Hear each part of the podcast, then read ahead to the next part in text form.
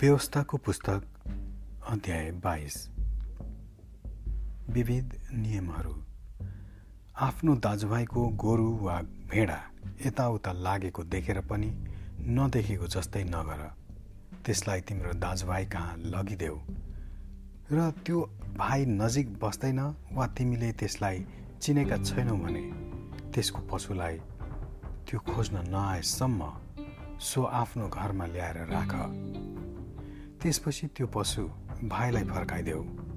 आफ्नो दाजुभाइको गधा वा लुगा वा त्यसले हराएको जेसुकै पायौ भने त्यसै गर्नु र चुप लागेर नबस्नु। आफ्नो दाजुभाइको गधा वा गोरु बाटोमा लोटेको देखेर पनि नदेखेको जस्तै नगर। तर त्यसलाई उठाउन भाइलाई मद्दत गर।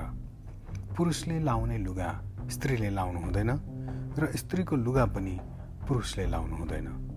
यसो गर्नेलाई परमप्रभु तिमीहरूका परमेश्वरले घृणा गर्नुहुन्छ।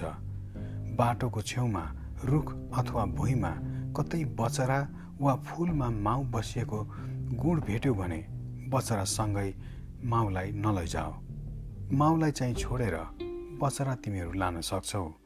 यसो गर्नु ताकि तिमीहरूलाई कल्याण होस् र तिमीहरूको आयु लामो होस्। नयाँ घर बनाउँदा छतमा चारैतिर बार लगाओ र त्यहाँबाट कोही मान्छे लोट्यो भने मृत्युको दोष तिमीहरूको घरलाई लाग्ने छैन। दागबारीमा दुई किसिमका बिउ नलगाओ नत्र त तिमीहरूले त्यसो गर्यौ भने तिमीहरूले लगाएको बिउ मात्र होइन तर दागको उब्जनी समेत सबै अशुद्ध हुनेछन्। गोरु र गधा सँगै नारेर जोत्नु हुँदैन उन र सुती मिसाएर बुनेको लुगा लगाउनु हुँदैन। तिमीहरूले लाउने लुगाको चारै कुनामा झुम्का लगाओ विवाह सम्बन्धी नियम।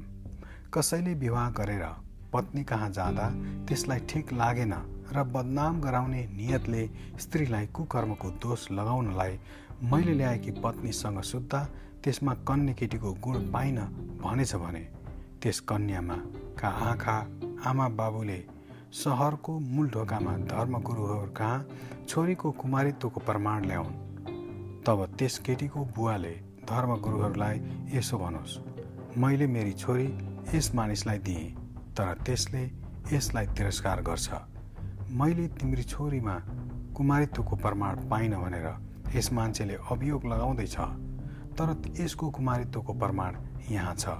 तब केटीका बुवाले धर्मगुरुहरूका सामुन्ने त्यो लुगा फिजाओस् अनि सहरकै धर्मगुरुहरूले त्यसलाई लगेर सजाइदेऊन् र इजरायलको एक कन्यामाथि कलङ्क लगाएकोले त्यसले केटीको बुवालाई चाँदीका एक सय सिक्का जरिमाना दियोस् र केटी चाहिँ त्यसकी पत्नी भइरहोस्।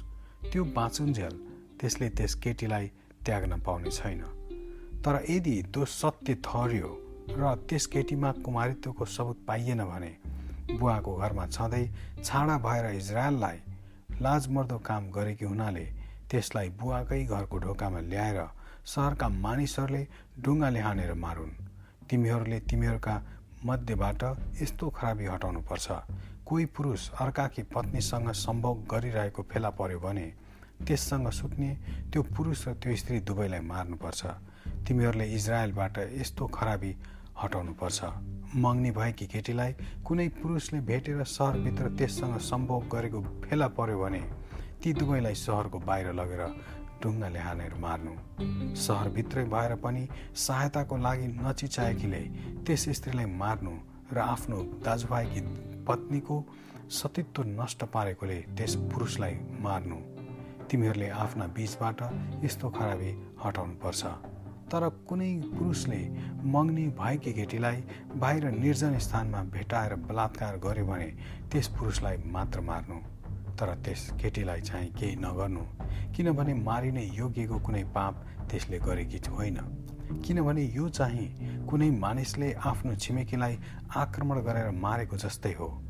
किनभने त्यस मग्नी गए भएकी केटीले चिच्याउँदा पनि निर्जन स्थानमा बलात्कार हुँदा त्यसलाई बचाउने त्यहाँ कोही थिएन।